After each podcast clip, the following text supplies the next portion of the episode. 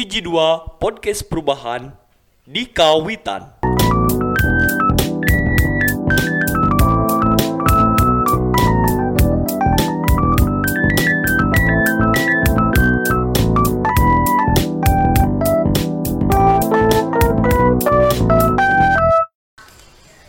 Oke, assalamualaikum warahmatullahi wabarakatuh. Sebelumnya ya kita kenalan dulu kali ya, kenapa sih ada kayak ginian ya kan? Nah mungkin ya ini tuh adalah podcast ya, ya pastilah. Nah terus dari aktivitas kerja BEM Fakultas Syariah khususnya Departemen Kominfo. Eh, selanjutnya ya saya memperkenalkan diri ya. Saya Dafail Fandi dari Departemen Kominfo ya kebetulan juga jadi kepala departemennya nih. Nah, pada malam ini kita ya akan berbincang-bincang sedikit nih dengan dua narasumber kita yang hebat kebetulan.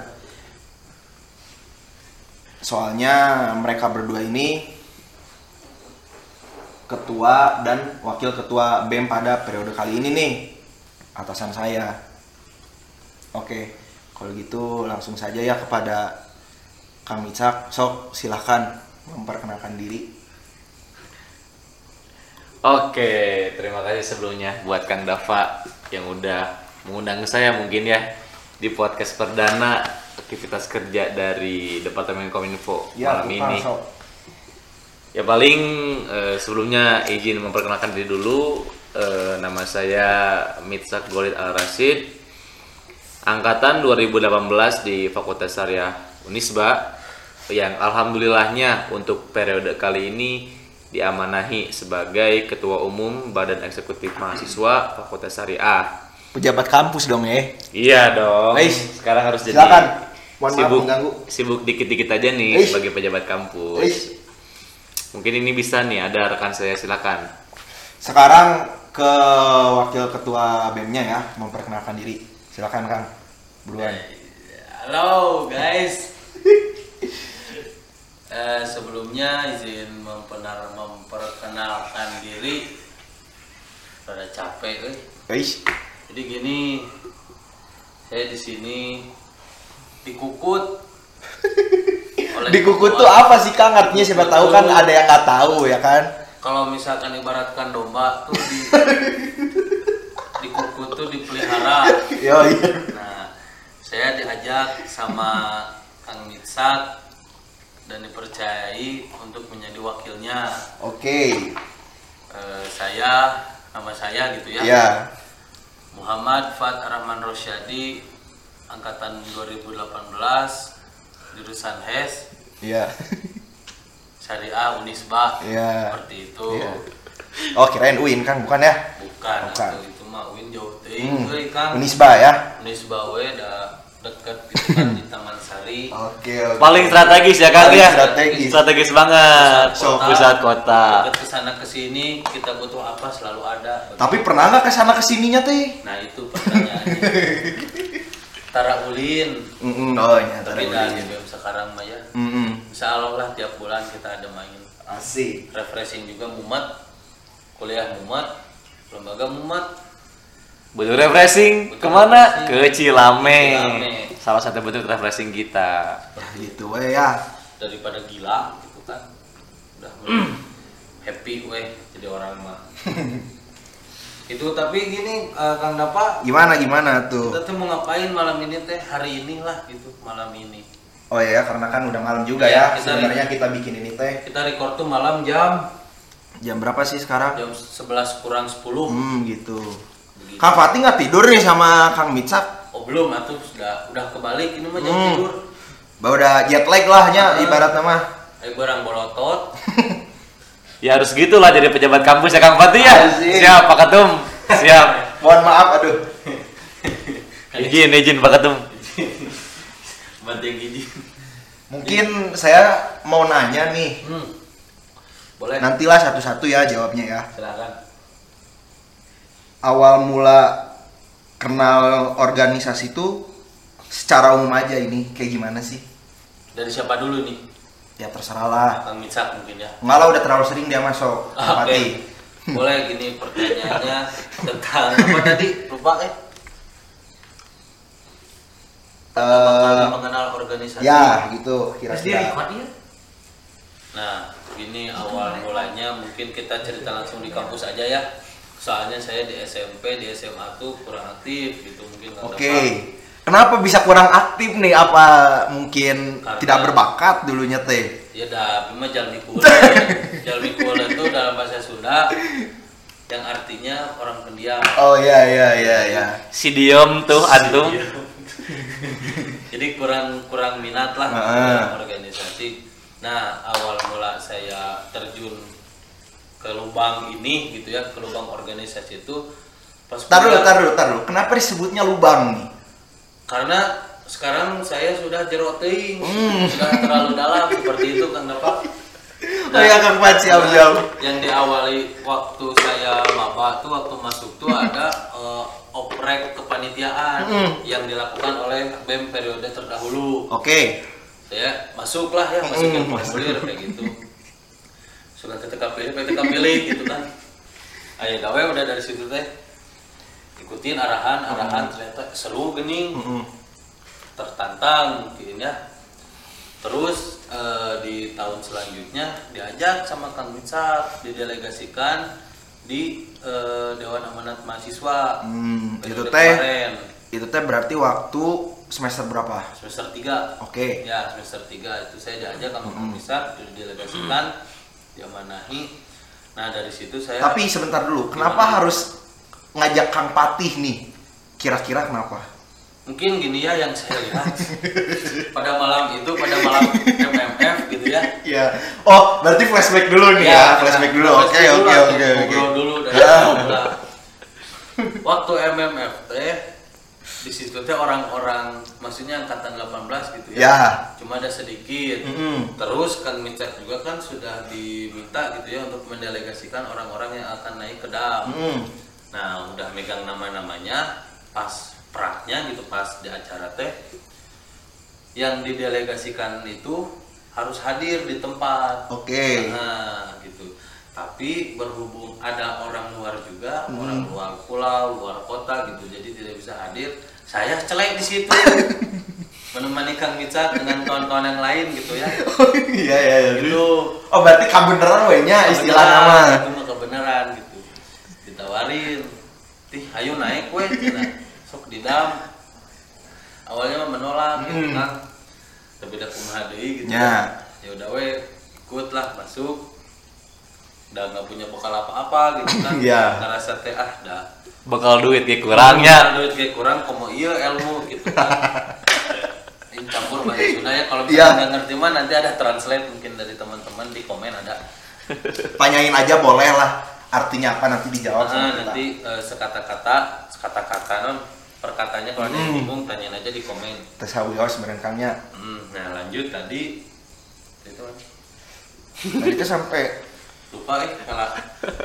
Oh Yang ini celak di- keur di eh, ditu. celek gitu kan. Hmm. Udah ditawarin sudah udah ayo eh, ikut aja dulu, cina masuk aja dulu ke dalam. Ya udah nurut weh gitu ya, nurut. Nurut nah dari situ eh, pas periode berjalan gitu kan dapat ilmu juga dari senior perihal organisasi gitu Oke. tuh harus kayak gini manage waktu terus ya yang lainnya lah ada mungkin teman-teman yang lain juga yang ikut organisasi paham gitu ya Oh, berarti kasarnya mah Kang Fatima lebih ke trial and error ya kalau ya, di organisasi. itu itu mah ya maksudnya Emang apa cik trial and error teh? trial yang mencoba errornya rusak Ah, betul. kalau nyoba rusak gitu itu periode berjalan teh, eh, ada ya pelajaran dari senior ngobrol sana ke sini perihal organisasi itu apa kita tuh harus ngapain aja di dalamnya gitu Oke. nah dari situ ya udah lumayan lah ada dapat yang nempel-nempel mah gitu. Mm. dari situ periode selesai bingung soalnya emang dari awal tuh gak ada niatan buat lanjut Mm-mm. jadi ya maksudnya buat lanjut untuk organisasi lagi gitu ya udahlah fokus untuk kuliah Mm-mm. tapi melihat eh, kurangnya mungkinnya minat minat eh, untuk berorganisasi dari teman-teman yang lain menjadi salah satu dorongan juga gitu. Oke. Saya untuk- Istilah lama meureun eueuh deui Kang ya. Oh, deui gitu bisa disebut tumbal bisa gitu kasarnya mah. Enggak tuh masa tumbal tuh kan. Kan kasarnya. Oh iya kasarnya mah ya. minat kayak gitu eh, minat minat berorganisasi dari teman-teman yang lain mungkin ada yang menurun terus emang udah fokus ke kuliah lah Ya. cepat lulus terpacu lah gitu di diajak lagi ini teh diajak kedua kalinya berarti ya Ya. udah eh, tih Udah tuh kan ceritanya jangan kebanyakan kan secara umum aja. oh, oh bener Iya, udah gantian ya. Pokoknya Dan beren waktu juga ini teh. nanti nanti ada Oh, ada ada segmen tersendirinya ya lagi. disambung dah ini Heeh. teh. ceritanya nyambung. Oke, oke, oke, siap, siap. mungkin segitunya Sakit weti pusat. segitu pusat gitu Oke, sekarang tadi kan udah nih dari Kang Fat. Nah, sekarang ke Kang Micak nih. Aduh, mohon maaf Kang. Sok silakan. Tadi apa pertanyaannya? Pak Ketua. Tadi ya tentang awal mula mengenal organisasi nih secara umum tuh gimana sih? Kalau dari Kang Micak? Oke, eh, kalau misalkan dari saya pribadi, saya pertama kali mengenal organisasi itu di SMP mungkin ya Kang. Oke. Eh, karena di SMP itu saya juga sempat nih eh, masuk osis, terus juga ya. saya juga pernah jadi panitia ospek juga waktu SMP. Dan kebetulan waktu saya pertama kali masuk osis, saya juga jadi eh, salah satu staff sekbid kewirausahaan waktu itu. Hmm. Dan waktu periode selanjutnya saya pun di eh, apa ya diiming-imingin lah eh, ditunjuk juga sebagai. Iming-imingnya itu apa? Eh, karena mungkin eh, dulu kan waktu SMP itu ya guru ya nyebutnya kita Hmm. bukan dosen mungkin ya Oh, iya, iya, iya. guru dan rekan-rekan saya yang di osis pun eh, melihat kinerja saya mungkin cukup baik mungkin ya Oke. dan guru-guru pun eh, menyuruh saya untuk menjadi ketua osis pada saat Hmm. itu cuman karena Satu dan lain hal. Mungkin karena juga saya dulu udah tahu nongkrong mungkin ya kan Hmm. Bapak ya, udah Oke. tahu eh, ke sana ke sini, udah tahu main-main segala macam, jadi saya agak kurang minat lagi nih di organisasi, jadi saya menolak tawaran jadi ketua osis. Cuman untuk secara garis besar untuk pengenalan di organisasi, saya mengenal organisasi di SMP, di SMP. Hmm. Kemudian di SMA pun saya malah di SMA tuh nggak aktif sama sekali. Oke. Saya aktifnya lebih ke eh, ekstrakurikuler. Oh ya. Saya menjadi eh, ketua sekaligus mungkin bisa disebut kapten dari tim futsal SMA saya waktu zaman itu. Hmm. Eh, untuk urusan organisasi saya tidak terlalu tertarik, tapi untuk seperti kepanitiaan kepanitiaannya mungkin saya ikut-ikut sedikit aja lah membantu di belakang layar aja gitu. Kemudian di kuliah juga saya sama seperti Kang Fatih karena awalnya pun saya tuh udah malas kuliah gitu kan karena ya udahlah eh, udah malas mikir juga ya Kang ya. Oke. Cuman saat itu mungkin saya pun kenal dengan Kang Fatih bukan sehari dua hari mungkin ya. Iyalah udah lama banget lah Iya, ya. lama banget saya bareng-bareng sama Kang Fatih dari SMP dan akhirnya saya pun Oke lah tadi Kang Fatih mengatakan bahwa eh, saya menyeret dia ke dalam lubang organisasi. Mm. Tapi yang menyeret saya ke lubang perkuliahan Eh. itu Kang Fatih Oh, yang begitu. mengajak saya ke Fakultas Syariah. Oh, iya, Karena iya, dia iya, lebih iya. dahulu masuk ke Syariah. Jalur PMDK ya tempat ya. PMDK tuh Ya, Oke. Pokoknya eh, saya masuk syariah, singkatnya saya masuk syariah. eh, saya masih belum mengenal organisasi di kampus seperti apa. eh, kemudian lambat laun berjalannya waktu, saya mengenal senior, saya sering sharing-sharing juga dengan kampus lain juga saya sering sharing-sharing eh, ngobrol perihal organisasi, perihal politik kampus, perihal eh, organisasi yang ada di kampus seperti apa dan akhirnya adalah mulai ketertarikan saya awalnya itu Ah. Di semester 3 mungkin Kang Fatih juga bareng sama saya ada ketertarikan saya itu di lembaga legislatif yang itu yang di Unis Batu disebutnya Dewan Amanat Mahasiswa. Oke. Berarti Berangkat. itu organisasi pertama di kampus ya yang Iya. Berangkat dari situ eh, saya dan Kang Fatih singkat cerita juga masuk ke lembaga legislatif. Eh, dalam satu periode eh, kami udah melakukan eh, tupoksi kami dengan baik, namun ada kendalanya karena mungkin waktu zaman periode kami itu terhenti karena adanya pandemi. Hmm. Karena baru Oke. setengah jalan pandemi eh, Indonesia itu terpapar sangat parah, akhirnya lockdown dan ada ya bisa disebut penghentian lah semua kegiatan kan mungkin ya. Total ya penghentiannya Total. juga ya. Hmm, tidak hanya organisasi, mungkin perkuliahan. Perkuliahan. di mungkin di jenjang sekolah pun terhentilah gara-gara pandemi dan Eh, tapi nongkrong mah jalan ya Kang ya? nongkrong jalan Eh. sama Kang Fatih tapi nongkrong juga kita ngomongin organisasi ya Kang Fatih ya Eh. Nah, tuh harus berbobot. sedikit-sedikit lah Iya sedikit-sedikit lah, tipis-tipis. Dari situ kemudian periode kami di legislatif udah berakhir dan adanya juga kabar bahwa Fakultas Syariah itu mengadakan oprek untuk calon ketua BEM. Oke. Eh, di sana awalnya juga saya dan Kang Fatih udah ada obrolan bahwasannya kita tidak akan melanjutkan ke ranah organisasi lebih lanjut Oke. gitu. karena ya udahlah kita pengen fokus kuliah ya biar cepat-cepat lulus karena Kang Fatih pengen cepat-cepat nikah katanya kan kayak gitu Oh iya Kang Fatih mau cepet-cepet nikah? Ya tuh. Emang ya. udah ada gitu calonnya? Nah, kan bismillah we. Oh, Makanya bismillah. Kuliah tuh lulus dulu, Heeh. baru fokus seperti itu mungkin. Hmm, oke. dari sana eh, singkat cerita juga eh, saya pun karena eh, kebetulan juga nih saya sebagai ketua angkatan mungkin Oh, di iya. angkatan 2018 saya menanyakan kembali kepada rekan-rekan angkatan 2018 siapa nih eh, kiranya yang mau naik ke ranah eksekutif Oke.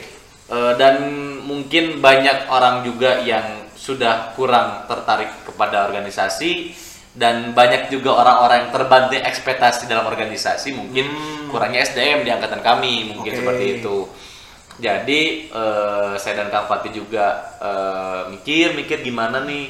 Karena ya orientasi kami pun ingin merubah syariah aja gitu. Oke. Eh, pun kami pun ingin adanya pergerakan di mahasiswa lah seenggaknya gitu. Di masa pandemi ini apa sih yang bisa kita berikan kepada masyarakat gitu kan khususnya gitu. Karena kan sebagian eh sebagian dari tridharma perguruan tinggi juga gitu kan pengaruh kepada masyarakat. Iya. terus juga mahasiswa kan sebagai agent of change juga gitu kan Iya. of, betul. eh, perubahan juga. Inisiatif kami ya saya berawal dari warung sih nongkrong. Iya, kita tuh. asalnya bercanda-bercanda. Makanya teman-teman jangan sekali-sekali saya ucap-ucap gitu. Karena ucapan adalah doa gitu. Iya, berawal dari warung ngomong tih gimana nih? Misalkan orang naik lah ayo eh, ketua sama wakil.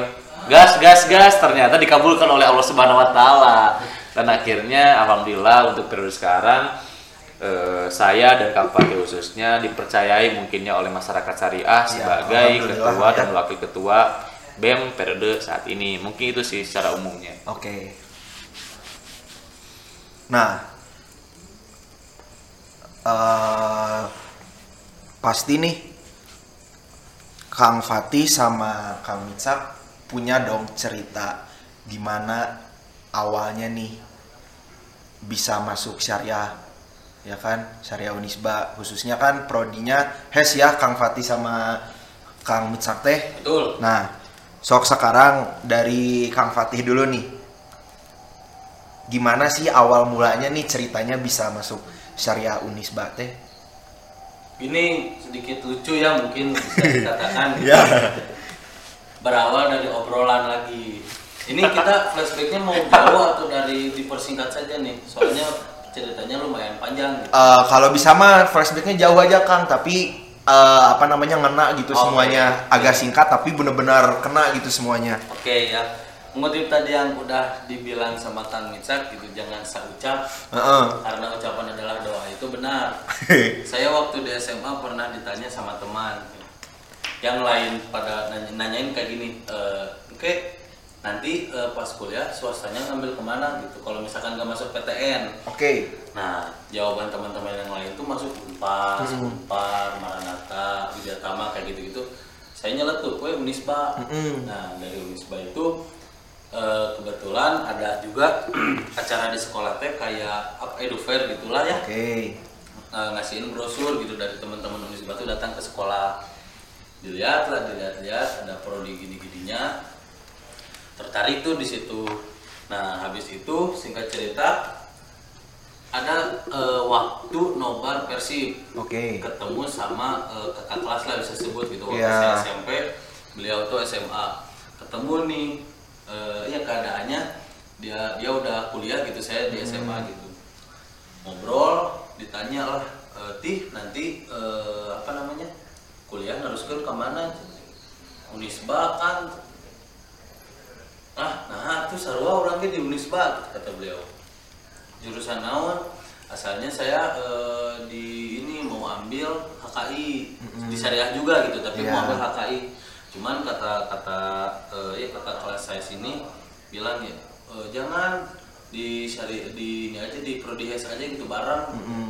Tapi ini mah maksudnya bukan untuk uh, menilai suatu prodi ya, tapi Iya, pure iya. cerita ya ini Pure mah ya. cerita, soalnya emang saya masih masih apa namanya waktu itu nggak kebayang apa pun gitu Mm. perihal dunia Karena ya kita juga kan nggak tahu apa-apa mungkin ya Nah, Kang Fatih dulu mah ya. Nah, jadi asal asal pilih gue gitu Eh, dia bilang masuk we biar bareng oh ya udah ada teman nih pas gitu eh, nurut we gitu Ah. nggak- belum tahu apa-apa nggak ngerti apa-apa nurut masuk hes nah pas saya masuk itu keadaan masih sendiri.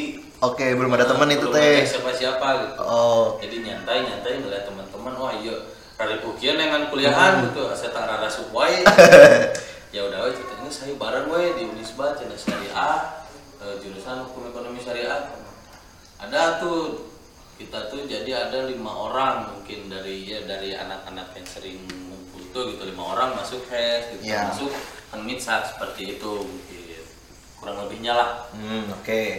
Nah sekarang nih gimana nih kalau dari sisi Kang, Kang Mitsak nih? Kenapa ingin masuk cash gitu ya? Ah, Kang? ah, enggak ya uh, syariah dan syariah tesnya, gitu ya.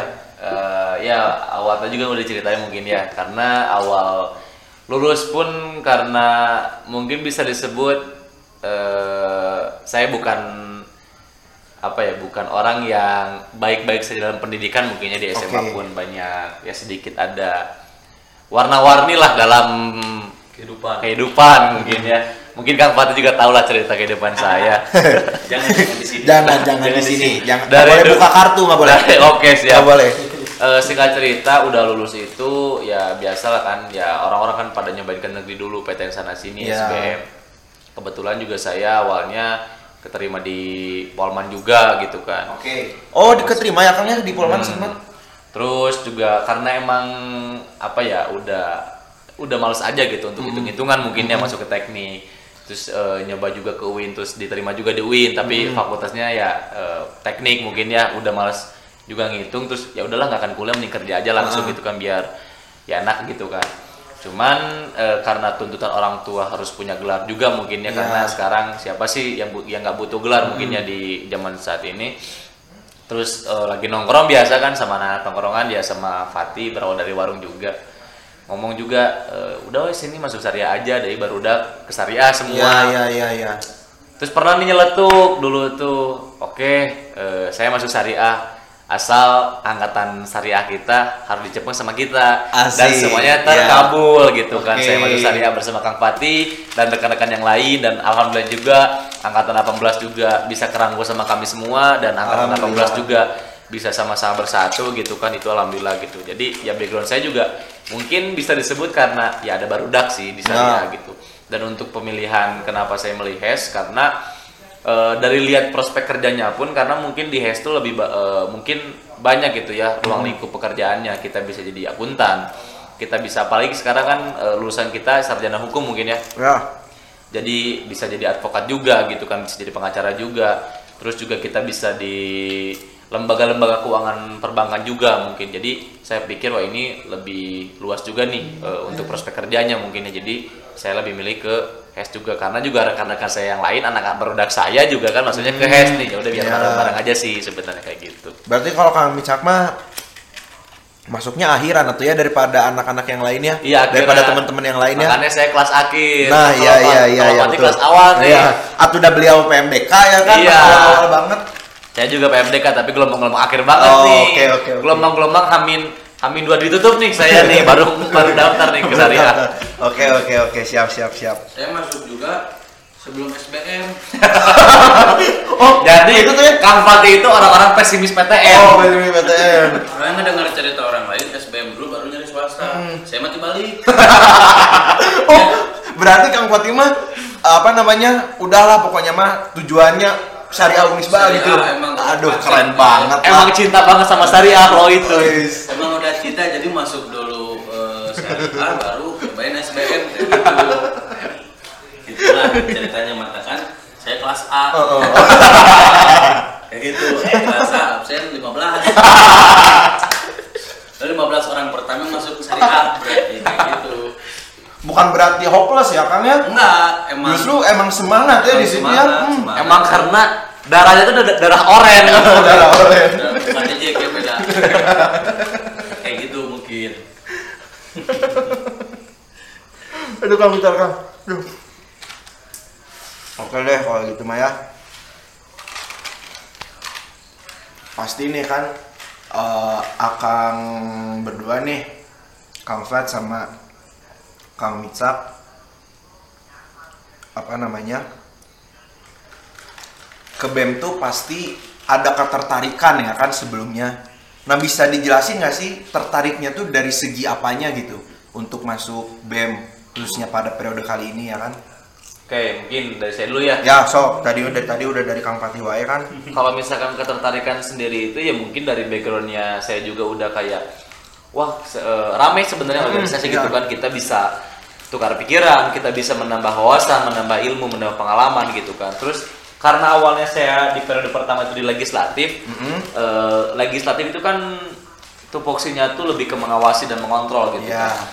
Eh, dan saya tuh pengen kayaknya enak juga nih kalau misalkan kita yang langsung. terjun langsung gitu kan Ya. ke lapangan makanya saya tertarik nih ke lembaga eksekutif gitu kan apalagi tantangan di angkatan eh, di angkat di periode saya khususnya karena mungkin kurangnya SDM pertama dan COVID juga gitu Oh, kan iya. terus saya juga mungkin punya rasa kepedulian tinggi lah kepada masyarakat syariah gitu kan karena saya juga pengen cinta syariah kayak Kang Pati Hmm. kayak gitu kan. Pati Jadi saya itu lah memisahkan memisahkan lain orang sahadei lamun teh ayeuna iraha deui. nah gitu kan. betul betul sih Jadi berangkat dari sana oke lah saya terus eh, karena tantangannya juga bisa nggak nih kita menga- eh, mengadakan program-program kerja ataupun melakukan kegiatan-kegiatan saat covid gitu Ya. kan. Itu kan menjadi tantangan tersendiri bagi, bagi saya gitu Ya, kan. betul. bagaimana saya bisa mengo- bukan mengontrol ya bagaimana saya bisa menggiring ataupun mengajak rekan-rekan saya di BEM khususnya untuk bisa ikut bergerak gitu. Ya. karena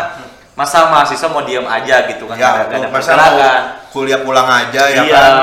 masa mau kupu-kupu gitu kan jadi kura-kura kuliah rapat kuliah rapat gitu kan soalnya saya kuda-kuda pernah kuliah dagang kuliah dagang. Ah. pernah juga. Udah kuda kuma-kuma juga saya pernah. Apa tuh kuma-kuma? Kuliah makan kuliah oh, makan. ya, gitu. kirain ya kan. Saya pernah untuk kuma-kuma. Jadi ah pengen cobain lah sekarang. Lebih eh, sibuk lagi aja gitu. Apalagi kan karena sekarang kita kuliah daring mungkin ya. Ya. Biar lebih produktif kan Hmm. gitu kan. Biar ada kerjaan juga gitu kan. Dan saya juga ingin lah eh, syariah itu ada gerakan perubahan-perubahan baru lah gitu kan. Karena mungkin sekarang program kerja yang kita adakan itu kan program-program baru karena dilakukan secara online gitu kan. Jadi dan alhamdulillahnya juga udah ada beberapa proker yang kami laksanakan secara lancar bisa dilaksanakan secara online. Makanya ya itu menjadi suatu kebanggaan tersendiri sih buat saya gitu. Tuh. saya bisa melakukan program kerja ataupun aktivitas kerja di masa pandemi seperti ini kayak gitu. sok sekarang Kang Pati Jadi apa pertanyaannya? Eh, kenapa masuk BM? enggak eh, apa namanya Ketertarikan. ya kenapa sih tertarik gitu Kang Pati teh Kenapa? lebih lebih khususnya tapi ya Ah. kenapanya teh Itu awal mulanya waktu saya mah Pak ngeliat enggak enggak tadi dulu kenapa sih setiap Kang Pati cerita teh selalu flashback misalnya gitu soalnya kita belajar dari pengalaman. Oh, iya. Guys.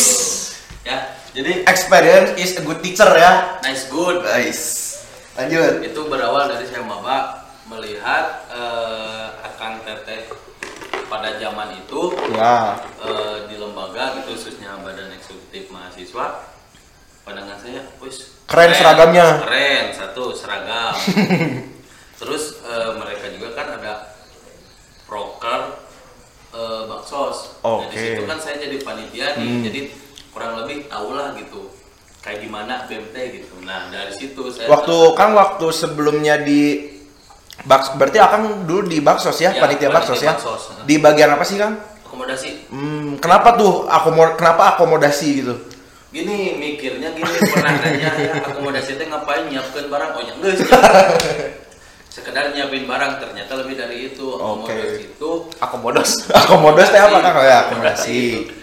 lebih dari emang betul gitu nyiapin barang cuman Lebih ke eh, teknis lah ya. lebih ke teknis terus emang eh, si akomodasi itu sangat kita lah Mm-mm. dalam suatu kepanitiaan gitu kalau misalkan nggak ada akomodasi kita mau perihal barang perizinan seperti itu Sanu mawakeunnya. nah itu sulit lah gitu nah adanya akomodasi itu kasarnya bisa disebut pembantu tapi kita nggak mau disebut pembantu. Nah, ya betul betul paham. Sok dari lanjutkan. awalnya itu pas saya mengikuti kepanitiaan baksos melihat akang teteh di lembaga gitu keren gini tertarik lah dari situ. Ah pengen nyobain nyobain. Alhamdulillahnya gitu sekarang bisa ada di ya di badan eksekutif mahasiswa gitu. Mm, Alhamdulillah ya Kang ya. alhamdulillahnya. Jadi kita ya, khususnya saya gitu tahu BEM tuh kayak gimana kayak gitu itulah kurang lebihnya gitu kenapa saya pengen apa tertarik menjadi salah satu anggota atau fungsionaris nah, alhamdulillah sekarang mewakil gitu ya, Ya. di badan Pejabat kampus juga tuh ya. pejabat kampus tapi nyulang di dalam lah ya ya ya ya. itu paling lebih ke learning by doing lah Learning by sebenarnya. doing Patih mah. seperti itu Mm-mm. mungkin Oke, pastilah eh, Kang Fatih sama Kang Mitsak teh punya alasan yang benar-benar inti gitu. Jadi ketua BEM itu ya kan. Nah, apa sih pasti yang mendengar sekarang juga pengen tahu gitu kenapa gitu pengen jadi ketua dan wakil ketua BEM gitu. Sok Kang Patih kenapa? kenapa pengen jadi ketua dan wakil ketua Ya kan Kang Patih mah wakil ketua Wakil, kan. ah, Hmm. ya. Nah, itu tadi yang tadi sudah saya jelaskan itu di awal kenapa saya menjadi wakil ketua BEM karena ajakan beliau. Hmm, Oh, jadi intinya mah diajak we gitu ya. Gitu. Ti ayo maju. ah, ayo aja. Gak salah nih soalnya easy going. kan. Oh ya isi. Tim hayu. Ayo ah kalian hayu. Naik nyalurkan hayu berangkat. Sugan teh mau pemilu, Heeh. eh jadi aklamasi. Oh ya jadi kalau otomatis, masih gitu kan otomatis. saya naik sama Kang Micak dan dari situlah maksudnya sambil belajar juga nanya ke sana ke sini juga kayak gimana sih wakil tuh gitu perannya seperti apa kalau misalkan ada dalam keadaan e, terdesak atau kayak gimana kita tuh harus ngapain sikapnya kayak gitu Oke seperti oke itu oke. paling ada pak Mm-mm. Ai Kang Micak gimana? Kalau untuk alasan inti kenapa masuk ke BEM mungkin ya. Bukan jadi apa Kayak namanya? ketua. Eh, jadi Ya, ketua. kenapa gitu Mm-mm. kan? Eh, pertama juga ya ingin menambah pengalaman sih pertama. Eh, untuk menjadi pembelajaran saya juga. Terus menjadi introspeksi diri kepada diri sendiri juga gitu sebenarnya. Oh iya. apa sih kekurangan saya? Apa sih kelebihan kelebihan saya gitu kan? Dan saya pun ingin apa ya eh, menyalurkan lah sedikit ilmu ataupun sedikit potensi yang saya miliki itu ke syariah gitu Oke kan oke. jadi apa yang saya punya tuh akan saya berikan ke syariah juga gitu kan. Terus alasan lainnya pun ya sebagai apa ya eh, perkembangan kualitas diri saya pribadi sih sebenarnya gitu. Karena saya merasa sebagai manusia pun kan butuh adanya upgrading gitu kan. Oke. entah itu misalkan di segi mana pun lah gitu. Dan saya rasa eh, menjadi ketua mungkin yang tidak gampang mungkin ya karena tanggung jawabnya besar juga itu menjadi sebuah eh, batu loncatan lah gitu kepada saya juga untuk ke jenjang yang lebih baik mungkinnya ke depannya Ya, betul, gitu. betul. Jadi ya saya mencari pengalaman, mencari relasi, mencari eh, networking yang baik juga gitu kan kepada orang-orang gitu kan dan khususnya juga saya ingin memajukan syariah gitu. Jadi saya ingin berkontribusi lah gitu. Karena saya udah masuk syariah, apa nih yang bisa saya berikan kepada syariah gitu kan ya. Mungkin salah satunya ya seperti ini gitu menjadi ketua dan bisa membawa dan mengajak eh, khususnya fungsionalis BEM dan umumnya kepada masyarakat syariah ke arah yang lebih baik mungkin seperti itu. Oke oke keren juga berarti ya. Nah pasti nih eh, apa namanya eh, masyarakat itu eh, punya pertanyaan kayak bem kita ini tuh mau dibawa ke mana sih ya kan? Gimana ada yang bisa ngejelasin nggak dari kalian berdua teh? Oke, paling So, dari eh, Kang Micak paling ya. dari saya pribadi gitu ya, eh, mau dibawa ke mana gitu ya. Eh, kita balik lagi mungkin eh, sedikit memperkenalkan juga nama Ya. kabinet kami, yaitu kabinet perubahan gitu Ya. kan. Kenapa saya mengambil kabinet perubahan? Karena yaitu saya ingin adanya perubahan-perubahan yang signifikan lah di syariah gitu kan. Dari periode ke periode gitu kan. Bukan saya eh, menyebutkan untuk periode sebelumnya tidak baik gitu kan tapi saya ingin eh, mencoba memberikan yang terbaik kepada syariah untuk ke depannya karena kan ada juga pepatah yang bilang eh, hari ini tuh harus lebih baik daripada hari kemarin gitu ya kan betul dan hari besok harus lebih baik daripada hari ini gitu kan. Jadi saya pun ingin eh, membawa syariah itu lebih baik gitu kan dalam segi apa pun gitu kan. Mungkin emang pribadi saya pun kurang baik dan itu pun menjadi bahan belajar juga. Saya di BEM ini tuh sebagai bahan ajang saya belajar juga Iya, gitu kan. betul, betul, betul. Saya bertemu orang-orang yang berbeda watak, berbeda sifat, berbeda karakter gitu kan. Bagaimana kita menyatukan satu kesatuan gitu kan dari berbeda karakter menjadi satu kesatuan itu kan hal yang sulit juga gitu kan. Iya. Itu menjadi tantangan tersendiri bagi saya gitu kan. Tapi untuk ke depannya saya ingin bawa syariah itu ya seenggaknya kita punya nama yang terbentang luas lah gitu kan. Entah itu di skala universitas maupun di luar kampus gitu kan. Karena dilihat dari potensi anak-anak eksekutif sekarang khususnya di periode sekarang saya lihat punya potensi yang sangat baik gitu kan. Saya yakin dengan potensi-potensi yang kami miliki kami bisa membawa perubahan yang signifikan khususnya di syariah gitu seperti itu kang Nafa Oke. Nah, karena kan ya Kang ya eh, kayak yang kita udah ketahui ini sebelumnya sekarang kan pandemi terus pergerakan juga dibatasi apalagi kan sekarang kebetulan lagi PPKM ya. Nah, betul betul kira-kira nih hambatan sama tantangan untuk periode fungsionaris sekarang itu di BEM itu kayak gimana sih?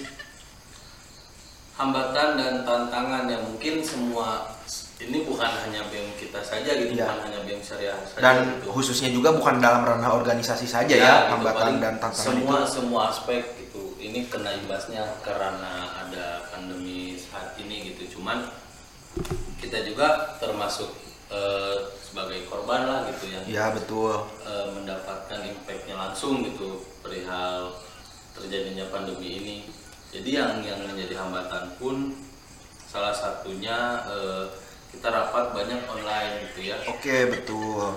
Terus kalau misalkan ada kebutuhan untuk mengadakan proker yang eh, untuk apa ya biasanya tuh dari tahun ke tahun tuh dilaksanakan secara offline, Iya. tapi kita harus putar otak membuat konsep baru, teknis baru eh, yang dibalut secara online gitu.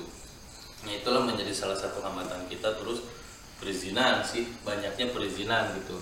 Soalnya perizinan pun sekarang mungkin sulit gitu ya karena banyak eh, protokol-protokol yang harus ditaati seperti itu. Ya, nah kita juga harus taat ya sama protokol kesehatan ya. Nah, gitu sebenarnya kita ya saling menghargai lah gitu. Hmm. Orang-orang yang di atas tuh memiliki kebijakan seperti ini ya kita di bawah saling menghargai Ya gitu. betul. Karena kan kita juga ingin dihargai ya sama orang lain, maka kita juga harus menghargai. Setuju, seperti itu. Oke sedikit menambahkan paling ya, Ya, boleh, perihal Kang. hambatan dan tantangan sudah dijelaskan sama Kang Fatih juga perihal tantangan ya. Ya kita bagaimana kita bisa melaksanakan program kerja dengan pembatasan kegiatan yang dilakukan oleh pemerintah mungkin ya. Mungkin itu secara teknis yang secara umum mungkin ya Eh, dari hambatan-hambatan yang lainnya menurut saya yaitu tadi gimana caranya kita bisa menyatukan satu suara dari berbagai macam karakter yang berbeda bagaimana kita bisa eh, satu suara dari berbagai pendapat yang berbeda bagaimana kita bisa mengajak dan menggiring khususnya saya gitu kan sebagai eh, kepala pimpinan gitu kan. Ya. bagaimana cara saya bisa memimpin ataupun mengajak eh, yang lainnya tuh ya supaya satu suara gitu kan. Itu sih paling eh, hambatan yang hambatan yang mungkin saya alami.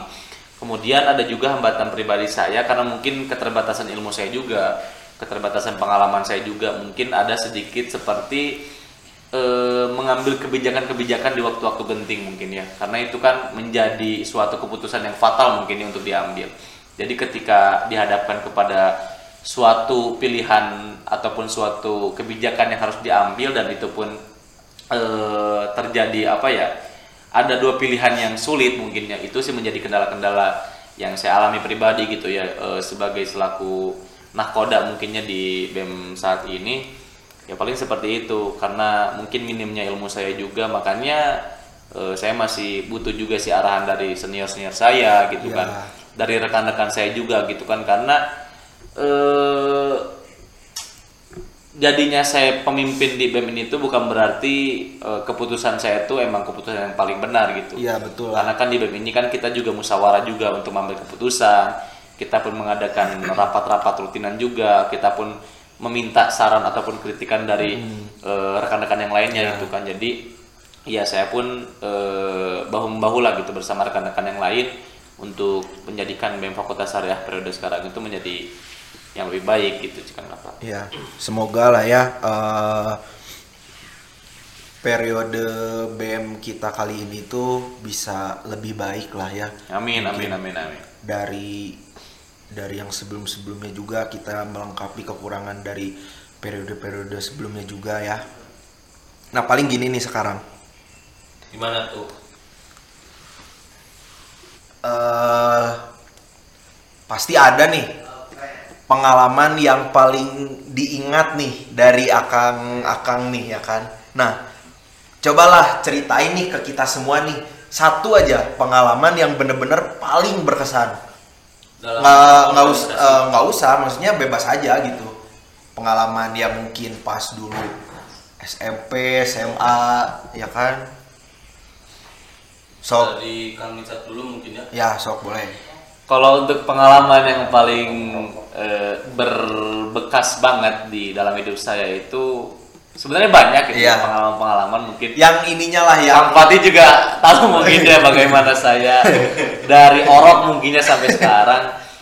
Mungkin eh, untuk pengalaman tuh banyak sebenarnya. Mungkin saya akan sedikit cerita penyesalan aja sih ya. oh ya penyesalan boleh boleh boleh Eh, sebenarnya saya itu tidak pernah menyesal eh, akan suatu hal ataupun suatu keputusan yang saya ambil dalam hidup saya selama 21 tahun hidup ini. Saya tidak pernah menyesal dengan apa yang saya lakukan. Cuman ada satu penyesalan yang eh, saya sesali sampai saat ini. kenapa tukang ditolak cewek oh bukan nggak Oh, pernah bukan. ya ditolak cewek nggak pernah Oh, ya? juga Oh, sih sebenarnya. juga. aduh Yang nggak pernah itu kan Kang Fatih. Oh, paling ganteng Kang Pati malah Ya, pokoknya pokoknya satu penyesalan yang paling saya sesali sampai saat ini dan mungkin ya saya pun tidak bisa maafkan mungkin ya ya Eh, saya pernah eh, ribut besar lah sama ayah saya. Oke. Eh, dan itu emang udah lost lost control dan saya pun juga sedang berada di lubang hitam mungkin yang bisa disebut.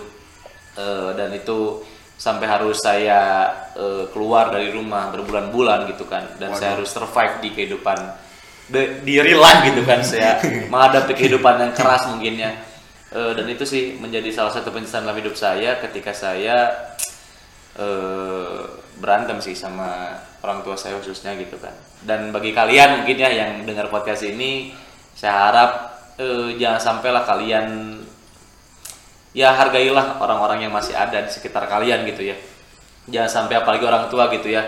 Jangan sampai kalian melakukan hal-hal yang nantinya akan kalian sesali seperti saya gitu. Jadi eh, untuk kalian yang dengar podcast ini sayangilah lah pada orang tua ya karena betul betul eh, ridho Allah itu berada di ridho orang tua juga Ya, gitu betul. kan. Nabi juga ya uh, udah bersabda ya seperti itu. Ridhollahi fi ridhol walidain Iya, betul sekali, wasaqatul walidain. Jadi artinya ridho Allah itu bergantung kepada ridho orang tua Betul dan sekali. murka Allah juga tergantung tergantung kepada murka, Murka orang orang tua. Dan mungkin jika kalian berpikir kenapa kalian kok kenapa sih eh, kita hidup gini-gini aja ataupun kenapa sih kita eh, tidak dilancarkan? Mungkin ada yang salah dalam doa orang tua kalian Nah, gitu. ataupun sekali. Hmm. ada yang salah dari sikap kalian kepada orang tua kalian gitu. Jadi jangan salahkan apa ya, jangan lebih menyalahkan keadaan sih karena Allah itu Maha Adil. Jika misalkan diri kalian ada yang kurang, kalian introspeksi diri dan lebih baik eh, ke orang tua sih sebenarnya karena ya orang tua segalanya sebagai saya. Karena eh sekarang kelemahan terbesar saya pun ada di orang tua gitu. Iya, Jadi betul. buat kalian sayanglah orang tua gitulah. Jangan sampai kalian menyesal Di kemudian eh, hari di kemudian ya. hari gitu kan. Paling itu sih pengalaman yang tidak bisa sam- tidak bisa dilupakan oleh saya gitu kan. Lebih ke penyesalan sih. Untuk pengalaman-pengalaman yang lain wah itu banyak sekali sih. Nggak mungkin beres di podcast hari ini sih Wah. bisa bisa 24 jam sih kalau misalkan Non-stop mau- itu mah 24 mau jam. cerita saya sampai Z-nya bolehlah eh, pribadi aja itu. Face to face aja lah ya itu itu mah ya. aja boleh gak apa-apa. Ai Kang Pati suka ngelawan orang tua nggak? Si Umi suka dilawan nggak? Enggak tuh kalau itu mah. Oh, enggak, aja. iya, iya. Mau gimana lagi mau ngelawan gak punya Iya. bot. Kira aku ditonjokkan ya sopan. Ya, ya, tuh. mah gitu kan ya udah nurut gue misalkan si Umi si Abi bilang A ya udah nurut gitu. Iya. Paling gini untuk cerita pengalaman baru-baru ini sih Hmm. gitu ya baru baru kejadian gitu ya. Bisa sebut sedikit lucu sedikit lucu gitu. Saya tuh mau jajan. Tuh kan baru baru ngomong jajan. Atau udah soalnya kebayang gitu ya kan? kayak gitu saya mau kerja mau jajan gitu di, di salah satu minimarket gitu saya teh PDW gitu ya Mm. mau pakai debit. Jadi kerja ada uangnya dua puluh lima ribu Pas ya. pas Oh. pas kurang nggak lebih pas itu dua puluh lima datang gue cukup cukup cukup ke kasir "Eh, mbak mau beli ini pakai debit debit apa di bank bank itulah ya. Oh minimal pembelanjaan dua puluh lima ribu, oh, syukur atau ya pas gitu di di di, di Oh iya, harganya juga pas mungkin ya. Harganya pas ya di ATM teh ada dua puluh lima ribu, pas beli barang itu teh masih harganya sembilan belas ribu, Iya. berarti kurang berapa tuh enam ribu. Iya. Nyari weh ya ke ke yang lain misalkan buat beli minum gitu. Heeh. Nah beli minum, udah ngitung itu teh, dina hitungan teh pas dua puluh lima ribu. Udah pede we ke kasir balik lagi. Mas sama ini air satu. Oke. Ya Udah sok bayar, nah, eh, kasihin we kartunya. Masukin pin gitu. Kan muncul harganya tuh di Iya. Pas ya. Berapa? Kurang 500 perak. Bisa- Maksudnya uang Kang Pati di saldonya kurang Ya, 500 perak. Saldo itu 25 ribu, ya, total pembelanjaan 25 ribu. 500 perak. Sedangkan di belakang itu masih banyak yang ngantri. Kesang isu keringet dingin gitu ya. Eh, ini eh, mas salah. Cobain lagi weh. Cobain lagi masukin pin. Pas dilihat-lihat itu simbanya itu bukan salah, ternyata emang kurang saldo kurang 500 perak daripada kan kagok era gitu. Iya. dawe ini make cash. Pak, make cash itu keluar cukup tadi situ malu Mm. nyetek ke rumah banyak orang di belakang teh si saldo teh kelihatan jumlah jumlah pembelanjaan gitu. Kurang 500 perak.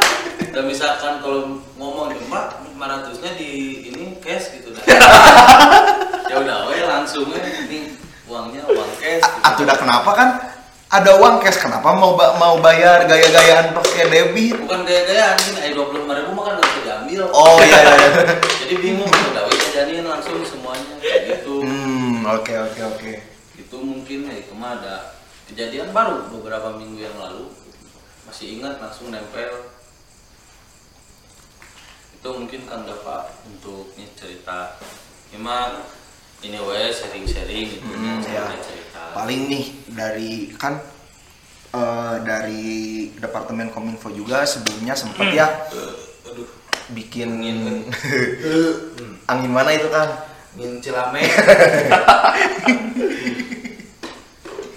Iya palingan kan eh, kita dari departemen kominfo tadi tuh sempat bikin question box gitu ya di Instagram stories gitu. Nah ada nih dari ada yang bertanya pengen tahu siap katanya nih ya yang kata yang nanyanya mungkin gak usah disebutin kali ya Kang ya akunnya mah ya. katanya pengen tahu siapa yang dukung mereka buat naik jadi ketua dan wakil. So Oke. gimana nih Itu tuh eh, maksudnya dukung tuh eh, tim sukses atau gimana nih? ya mungkin dibalik semua itu ada siapa sih sebenarnya gitu Ya sebenarnya balik lagi ya karena eh, saya pribadi juga sebelum menyalonkan saya juga kan orang pertama yang saya ceritakan itu kan ibu saya gitu. iya iya betul Bu, kakak mau nyalonin insya Allah jadi ketua BEM Fakultas Syariah. Ya alhamdulillah respon beliau pun baik dan beliau pun mendoakan kelangsungan ataupun kelancaran pencalonan saya dan beliau pun ya memberikan doa terbaik pada saya. ya alhamdulillah eh, saya percaya bahwa dukungan orang tua itu dukungan yang paling eh, apa ya paling terbaik lah menurut saya gitu ya Iya, iya. karena salah satu banyak pencapaian yang udah saya raih itu merupakan doa-doa orang tua saya yang dikabulkan oleh Allah Subhanahu wa taala gitu. Jadi ya untuk yang paling mendukung saya paling orang tua dan terlebih daripada itu ya alhamdulillahnya masyarakat-masyarakat syariah pun percaya mungkin ya Iya. dengan saya gitu kan meskipun ya mungkin banyaklah yang udah tahu karakter asli saya gimana bukan karakter sih lebih ke sifat gelap saya seperti apa mungkin ya Wais. tapi terlepas daripada itu mungkin masih banyak juga yang percaya bahwa misalkan saya bisa membawa syariah ke arah yang lebih baik mungkin ya Amin ya Allah. meskipun diri saya pribadi juga belum terlalu baik gitu ya Kang ya, iya, tapi betul. kan saya juga belajar untuk mencoba menjadi lebih baik.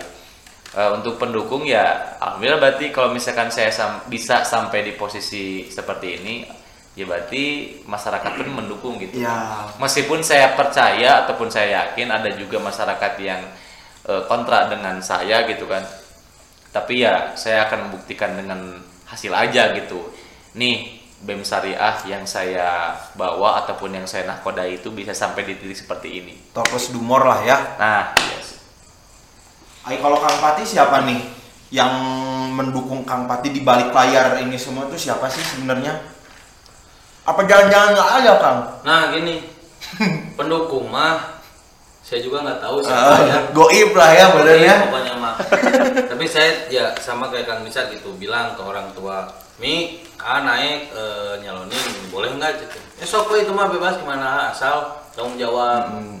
Sama mungkin kuliah juga Ah, jangan harus- sampai keteteran gitu ya. gitu. Sok itu mah gimana asal asalan nah. Oke siap Hmm. tuh ayo udah di ACC mah berangkat. Nah mungkin untuk pendukung-pendukung ada dari awal juga saya bilang saya mah diajak ya udah berarti sama aja pendukungnya Hmm. sama Kang Mitsa Iya iya iya. hayu we misalkan ada yang ngedukungnya syukur alhamdulillahnya misalkan ada yang nggak ngedukung juga nggak apa-apa Ah. gitu nggak semua nggak bisa dipaksakan lah Iya, dan iya, iya, cuma betul, balik betul. lagi ke eh, orangnya masing-masing Dan balik juga ke pendapat mereka nah masing-masing ya. itu mereka punya pandangan bahwa saya tuh layak atau tidak ya itu nggak masalah gitu kalau misalkan emang nggak layak nggak apa-apa gitu emang saya juga mengakui bahwa saya juga masih banyak kekurangan gitu kalau biarlah masyarakat yang menilai Ya. gitu langsung aja sih sebenarnya. Kalau- Tapi eh, dengan catatan kita juga membuktikan dengan kinerja-kinerja kita ya. Nah, Ya, kayak seperti itu. Kalau misalkan ada yang dukung pun ya alhamdulillah syukur gitu teman-teman masih percaya gitu sama saya. Kayak gitu mungkin kan Pak. Oke. Nah, terus ada lagi nih dari akun Instagram yang lain bertanya katanya kalau ketua BEM itu masih jomblo nggak sih? Waduh, Kang Fatih, ketua BEM gimana Kang Fatih? Udah ada pawangnya ya? Ketua BEM tuh baru dapat pawang. Jadi sekarang mah jinak ya? Jinak Jinak, eh. udah udah nggak liar lah gitu. Mungkin buat ahwat-ahwat Awat-awat. teman-teman perempuan yang emang mengagumi beliau tahan dulu kan. Soalnya udah ada pawangnya ya. Nah, Jam 10 tidur pulang juga, pulang sekarang mah ya. sekarang mah kalau lagi nongkrong lagi ngobrol gitu bilang ini ada Ucuk kebaliknya. ada slip call Aduh. Sleep call-nya apa kan?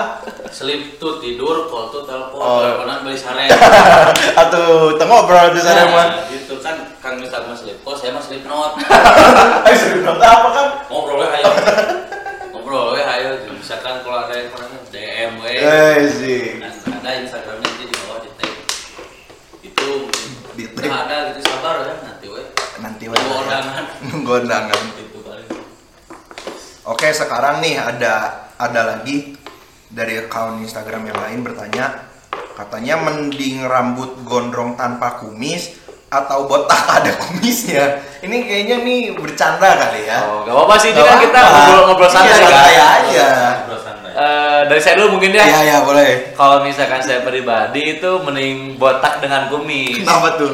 Karena kalau rambut bagi cowok itu ti- apa ya tidak Mahkota lah ya. ya itu kan bagi perempuan Oh, iya, saya iya. gitu kan untuk rambut itu tapi untuk cowok itu melambangkan kegagahannya itu dengan kumis ataupun jenggot karena kan Lebih maskulin lah. Sunnah Rasul pun Iya, jenggot, betul, berjenggot kan gitu daripada sekarang gondrong eh, tapi tidak kumis kan kayak kurang kurang maco aja Kayak sih Kang Pati gondrongnya. gondrong berkumis Oh, kan iya, berarti iya, kan iya, jadi kan iya. makin maco gitu kan itu lebih lebih lebih itu sih Nah kalau kalau saya tadi apa pilihannya teh gondrong, gondrong tidak berkumis. Atau botak ada kumisnya. Nah gini, berhubungan saya dari SMP kumisan gitu, orang gondrong, Nah dari dari SMP udah kumisan kan?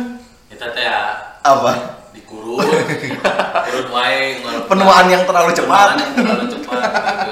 Dari SMP udah kumisan gitu, ngerawat kumis sampai kuliah gitu. Kuliah mah udah mau bebas gitu, Eh. rambut mau gondrong, mohak, mik kanan kiri bebas gitu. Makanya saya mah milihnya gondrong. Tekaurus. bisa urus gitu. Soalnya ini juga sekarang ya suatu pencapaian lah tiga tahun lebih nggak kepangkas rambut Asik. gitu kan. dan tiga tahun lebih nggak keramas ya Nggak juga. Oh, nggak juga. Nanti jadi si Gerando. itu paling saya milihnya rambut gondrong. Oke, oke, oke, oke, boleh, boleh. Dari account yang selanjutnya nih ada juga nih pertanyaan katanya apakah ketua BEM juga manusia yang memikirkan dirinya sendiri? Oke, eh kayak gini. Saya, saya pun juga manusia mungkin Ya. ya. Saya pun ya sering mungkin melakukan kesalahan gitu kan. Tapi dalam berorganisasi itu eh, kita kan harus bisa mementingkan kepentingan umum daripada kepentingan pribadi gitu Oke. kan. Jadi untuk mengambil keputusan, untuk mengambil suatu eh, kebijakan pun ya saya juga berkonsultasi terlebih dahulu kepada Kang Fatih khususnya kan sebagai rekan saya gitu kan. Jadi eh, untuk eh, bisa disebut mementingkan dirinya sendiri, saya pun ada gitu kan.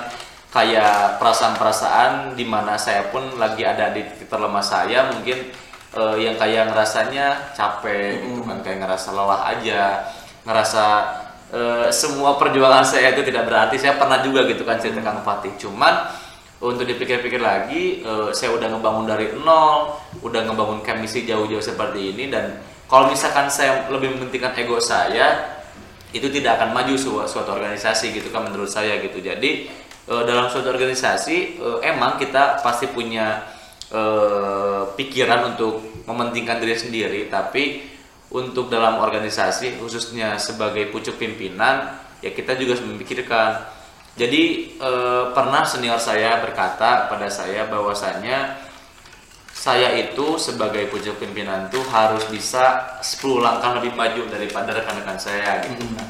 Itu bukan berarti saya untuk melebihi ataupun untuk menggurui, tapi seenggaknya untuk visioner saya itu harus bisa 10 langkah lebih maju daripada yang lainnya gitu karena saya sebagai pucuk pimpinan gitu kan seperti itu. Jadi saya pun manusia biasa yang pernah mungkin sering juga melakukan kesalahan, saya juga pernah memikirkan diri saya sendiri, tapi terlepas daripada itu, jauh daripada itu, saya juga mementingkan kepentingan bersama sih di dalam BEM ini gitu. Memikirkan diri sendiri tapi bukan apatis juga ya. Ya, seperti itu Kang Bapak. Oke, mungkin ini yang terakhir dari akun yang bertanya.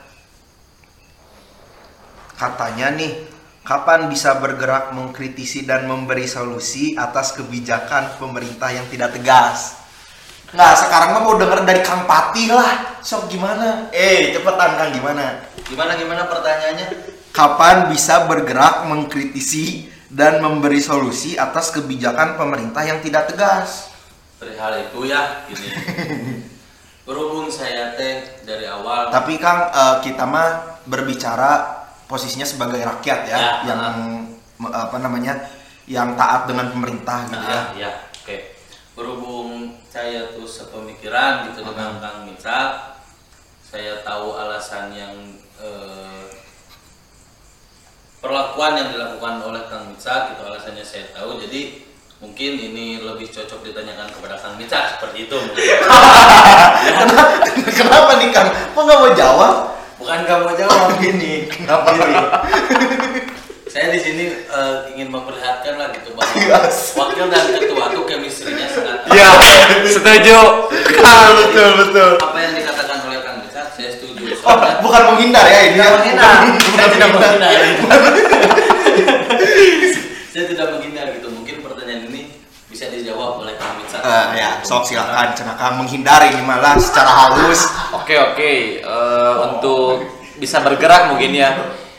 Pertama mungkin juga eh, kita pun ya mungkin saya Kang Fatih juga sebelum terjun lebih jauh kepada keorganisasian ini ada di ketua dan wakil gitu kan kami pun eh, sudah sempat ikut-ikut juga lah ya seperti aksi gitu kan tapi juga eh, dengan aksi-aksi yang jelas gitu kan seperti kami juga membaca dulu gitu kan Ah. referensi ini tuh aksi-aksi yang benar atau enggak gitu kan jadi ya kami pun untuk eh, bergerak langsung untuk mengkritik pemerintah juga ya kita tahu sendirilah gitu kan Ya. kondisi pemerintahan kita seperti apa gitu kan betul. Kemudian eh, ya salah satu gerakan kecil yang kami buat ya ini ya tadi ini dengan majunya kami eh, jadi ketua dan wakil pun ya itu juga menurut saya pribadi sudah menunjukkan suatu gerakan-gerakan yang eh, saya pun ada inisiatif untuk bergerak nih Iya. mahasiswa terus bergerak gitu kan entah itu misalkan dalam segi apa pun gitu kan karena dalam mengkritik pemerintah pun tidak harus den- dengan vokal yang langsung mengkritik seluruh pemerintah gitu Iya, kan. dengan betul. kita gerakan-gerakan kecil dengan kita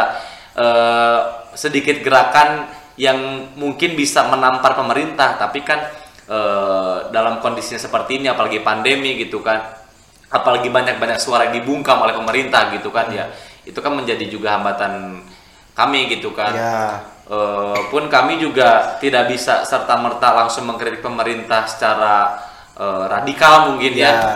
Jadi ya kami lebih memfokuskan terlebih dahulu eh, kepada pengkaderan-pengkaderan di BEM Fakultas Syariah khususnya gitu. Karena percuma kita bergerak kita vokal di luar tapi internal kitanya pun bobrok gitu. Karena kalau misalkan dari internal kita bobrok kita vokal-vokal keluar eh, tapi nggak ada isinya ataupun belakangnya juga jelek kan buat apa juga gitu Iya. kan jadi mending kita fokuskan dulu eh, pondasinya dulu kita eh, siapkan dulu kader-kader yang matangnya kita siapkan dulu arahan orientasinya mau ke mana kalau misalkan toh kita udah siap semuanya kita udah satu suara entah itu misalkan mau kita bawa ranah universitas ranah bem bem kampus yang lainnya kita udah satu suara boleh nih kita bisa bergerak untuk mengkritik lebih eh, keras lagi gitu. Karena sekarang juga banyak orang-orang ataupun dari kampus-kampus lainnya mengkritik tapi eh, apa ya hanya sebatas mengkritik tanpa ada aksi ataupun output yang jelas gitu. Oke, kan itu kan betul.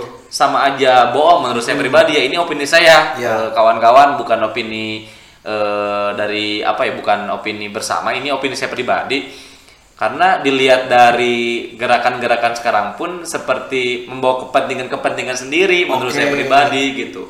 Toh kalau misalkan kita mau mengkritik pemerintah ya ayo kita sama-sama bergerak bersama gitu. Jangan sampai pisah-pisah dan malah aksi-aksi ataupun eh, aksi kritikan-kritikan kita pun hanya demi kepentingan masing-masing gitu itu kan malah jadi memecah belah mahasiswa juga gitu Karena juga dalam mengkritik kita harus apa namanya mengkritik dengan substansi yang jelas ya. Iya, dan kita Setuju, setuju. dan kita pun harus mengkritik tapi harus ada solusinya Nah gitu betul, kan. Kita bukan percuma cuma nyecer-nyecer doang Iya ya. gitu kan. Percuma kita mengkritik tapi tanpa adanya solusi. Makanya bukan kami tidak berani untuk mengkritik lebih keras, Ah. cuman kami pikir pun untuk ke ranah yang lebih ekstrim mungkin ya kita Iya. bisa disebut kayak gitu. Eh, kita masih ada keterbatasan ilmu, Iya, betul. keterbatasan pengalaman. Iya. Tapi untuk yang pergerakan-pergerakan gitu juga ya kami juga ada sebenarnya. Iya. Cuman untuk yang mengkritik lebih tegas secara tegas untuk pemerintah ya eh, kami pun eh, masih bisa apa ya masih bisa melihat dulu lah karena keterbatasan ilmu kami juga gitu toh juga eh, dari zaman zaman terdahulu juga kan ya kita bisa lihat lah untuk pengkritikan ke pemerintah juga kan sering dibungkam gitu Iya, kan betul. takutnya nanti Kang Fatih mengkritik nanti Kang Fatih diculik nanti saya sendiri di iya, ban gitu kan iya. saya kan nggak mau kehilangan Kang Iya, Fatih gitu kita kan sebagai juga- kolega saya Iya betul.